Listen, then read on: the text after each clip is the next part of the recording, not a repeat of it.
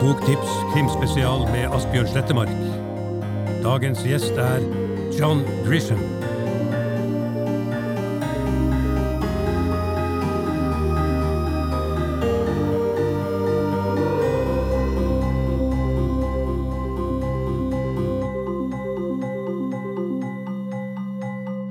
Velkommen til Krimfestivalen. Han debuterte i 1989 med A Time To Kill. Siden den tid har han solgt drøyt 300 millioner bøker, og 28 ganger på rad har bøkene hans toppa den amerikanske bestselgerlista. Klienten, Firmaetsmannen, Pelikanrapporten og en haug andre spennende rettsthrillere ble minst like spennende og suksessrike filmer, og de siste årene har han gleda oss med fornøyelig spenning og ville rettssaker i Camino Island, Time for Mercy og Rooster Bar. Så innenfor det krimfestivalen holder på med, så er han rett og slett en av de aller største forfatterne. So it is an honor to say welcome to Oslo Crime Festival, Mr. John Grisham. Thank you. My pleasure to be here. Um, where, where are you today? Are you in, in Charlottesville at, at your home or? I'm at home in Charlottesville, Virginia, in central Virginia, about two hours south of Washington, D.C. We, we, we, want to start off with talking a little bit about um, the, the last book that has been translated to, to Norwegian, uh, Rooster Bar. Um, in, in, in, in Rooster Bar, we, we meet um, a trio of young what should we say wannabe lawyers gonna be lawyers? Um, could, could you tell us a little bit about the the three main characters that we meet in in Rooster Bar? Sure it's three young men who have no business being in law school. They decide to go to a, a sort of a low end law school in Washington D.C. and they um, they borrow a lot of money to go to school and they uh, realize once they get into school that they are in a bad school. The, the book is sort of an expose on for profit educational colleges in America.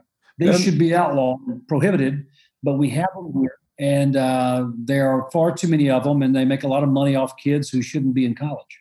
Rooster Bars seems to be. Uh, when I read the book, I, I, got got the feeling that it's it's fueled a little bit by by anger towards this this system that is created to make money from from schools like the ones in your book. Is that is that correct? How, how did you how did how did you create this story? Where, where did you find it? I found the story where I find a lot of stories. Newspapers, magazines, watching lawyers, watching trials. And I saw a magazine article about five years ago called The Great Law School Scam. And it was a story story about for profit law schools and how they encourage students to incur massive debts. That's where the idea came from. And I, there was some anger. Yeah, I just, it's, a, it's a bad system. And so, yeah, I started the book with the, the goal of exposing this bad system. You mentioned that, that that's how you how you often find find the stories for for your books. Um, is is that how you always have worked? You know, like searching through newspapers, magazines, and finding these stories and just like creating ideas from fr from things things you, you you read from from real life sure almost nothing is original in, uh, in, in, in, popular fiction uh, writers are known just to all writers steal their material we take what happens in real life and real people and real cases and we we steal the story and we fictionalize it let's talk a little bit about the um, but the the Camino Island uh, novels. Um, I mean, I just when I read them, I just completely fell in love with the whole the whole setting. Uh, it, it's kind of a for for me, it's a, it's a little bit atypical um, Grisham novels because you know it's it's set in Florida. It has this classic uh, the perfect heist. Uh, setting and the whole art thief uh, aspect. What inspired you to to start digging into this um, uh, this story, and how, how did you create this setting? Well, as I just said, the story was taken from another story, a real story. I heard the story not too many years ago about how much uh, thievery there is in rare books and rare manuscripts. and I collect rare books. I love rare books. I've been collecting for 30 years. Mm. And I was inspired to write a novel about the theft of some rare manuscripts and write the entire book with no uh, no lawyers, just uh, nothing but uh, booksellers, uh, book readers, writers. And when the first book worked so well, Camino Island, I was inspired to write another one, and a, there, there, will be a third one. L- looking back back at your career, it's since you first started publishing novels in like at, the end of of the 80s um, from a time to kill what do you see any red threads through your own uh, literary career? Any important themes? Two, two important themes uh, the classic david versus goliath uh, setting where you have the you know small guy fighting a big guy a, a, a criminal defendant fighting the system small firm versus a big law firm injured person fighting a big corporation that's a fairly uh, common theme. In the past 15 years, though, there's been some changes. Um, I'm much more concerned with social uh, justice and social injustice. We have uh, we have great problems in our criminal justice system. Uh, problem could be fixed, and uh, I like to write about those and talk about those and expose those. In in that sense, how how has the last four dramatic years uh, of um, American politics influenced or affected um, your writing with with Donald Trump being both in the White House and on social media dominating the news cycle how, how has that affected your your writing the last four years under Trump have been terrible in America. Uh, they have been so bad that I've used the fiction as a way to escape. Uh, many times I've tried to ignore the news and ignore him and hope and pray for 2020 and the next election. Then the pandemic hit a year ago, and I found myself with uh, far too much time to write. I wrote more words last year than any of the previous 30 years because I couldn't travel, I couldn't go anywhere. But Trump is gone, thank God, and uh, you know the, the, country will do better and we'll move on. That, that brings me to um, I got I got a couple of questions from uh, from readers, from from fans, and and one of them um, was from um, uh, actually from a Norwegian journalist called Leif Åge How, how, will the election of Joe Biden as president affect the political themes of your writing? I hope in a positive way. I hope that we will see some meaningful movement toward serious criminal justice reform. Hmm. Trump cared nothing for crim criminal justice reform. He cares nothing for the courts or nothing for the law, nothing, no respect for the law. And Joe Biden does. Biden understands that, the importance of the law. So I'm hopeful that we will see some meaningful improvement in so many areas of our laws. Uh, that brings me to to, uh, to another theme because you you're a member of um, of the board of directors at the Innocence Project, um, which campaigns to free and exonerate unjustly convicted people. Um, um, has that work uh, influenced your your writings and the, the themes of your as you said about your your novels that have become maybe more political in the, um, the last decade or so the impact has been profound because i've written about wrongful convictions in many books since then uh, the innocent man the book i wrote 15 years ago is my only nonfiction book and that book took me into the world of wrongful convictions and criminal injustice and I'm still there. Uh, I'm still writing about still writing about those issues. So yes, I, you know, a dramatic change happened to me 15 years ago with the Innocent Man. In um, also in, in today's popular culture, um, you see series like The Jinx and Making a Murderer and so on. So on have, have put the spotlight on, on true crime and the American legal system. Uh, do you think this kind of spotlight from Netflix series and from, from popular culture, from, from series, has it made the system better? Has it created any changes? Yes, it has made some profound changes because the death penalty is dying slowly in America, not because of courageous judges or courageous lawmakers, but, but courageous jurors who know to ask questions, who are cynical about the police.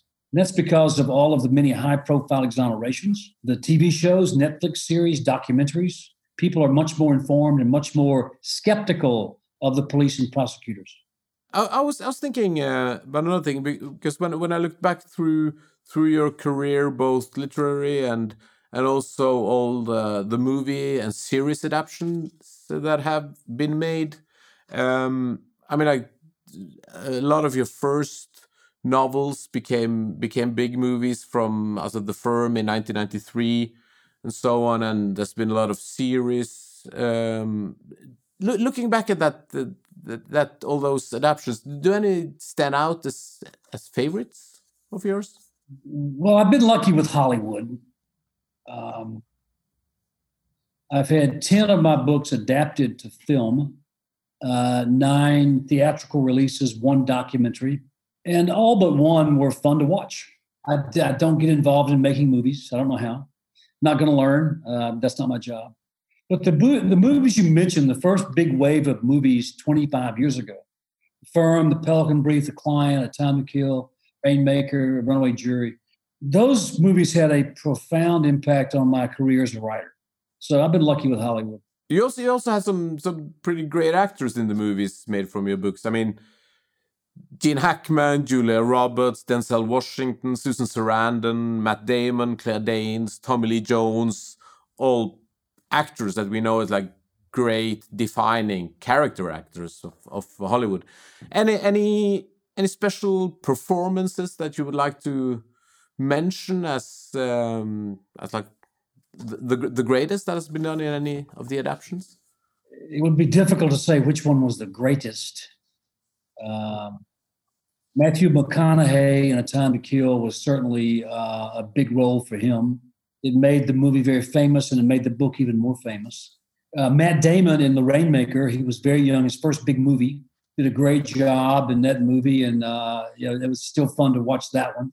A lot, a lot of great performances. I, I can't pick a favorite.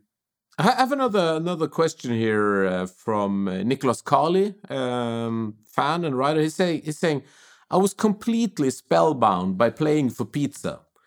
Do you have any plans for? Do you have plans for any other departures? Um, any um, any like non-legal thriller works that sure in the pipeline? Sure. Uh, Pizza was my second football novel. I have since published a baseball novel. And in two months here in the US and later in Norway, in April, I will publish my first basketball novel. So I love sports stories and I hmm. hope to write plenty of them. Well, what is it with, with sports that attracts you? You say football and baseball and, and basketball. What, what is it that makes it such a great material for fiction? just growing up as a child, playing every sport. Um, uh, sports were so important to my childhood, to my growing up, to my community, to my family. All my brothers and sisters played sports. My parents had played sports when they were kids, and we all had we all had the big dreams of playing, you know, professionally. Never happened. Never happens for most kids, but they. Um, I love sports and love to follow sports, and so I love to write it. Love to write about sports now. You, mentioned that there's a basketball uh, uh, novel uh, or story on on the way. Um, any other like huge projects in the pipeline? Uh, you you mentioned a third Camino uh, novel. What what else can we expect from you in the immediate future? Well, the basketball novel comes out in two months. I'm writing the next legal thriller. It will come out in the U.S. Uh, in in the fall, October of 21. Later in, in Norway. Um, and by the way, thanks to all the many fans in Norway. I get a lot of letters from fans in Norway who love the books, and it really means a lot to me as a writer to know the books are appreciated uh, in Norway. I'll probably do another, the third Camino book in two years. That may be the last one, maybe not. I'm not sure, but we'll see what happens then. You said thank you to to your fans in Norway. We also here from Norway want to thank you for all the uh, the great entertainment and insight you brought us for uh, well well over three decades now with your uh, novels. Um, hopefully, after this messy pandemic stuff is over, we can get you um, to come to Norway to be on stage with us at the uh, the Oslo Crime Festival. Um, and until then, thank you so much, and just you know keep on writing, John. I would love to visit. Thank you very much. I enjoyed it. Takk til John eh, Grisham, en av de aller, aller største. Um, du kan se en haug med andre kvalitetsintervju eh, og godsaker på de forskjellige krimfestivalsidene, enten det er på Facebook eller YouTube eller på hjemmesida. Så følg med, det skjer masse absolutt hele tida disse nydelige dagene krimfestivalen foregår. Takk! Boktips, en podkast fra Cappelen Dam.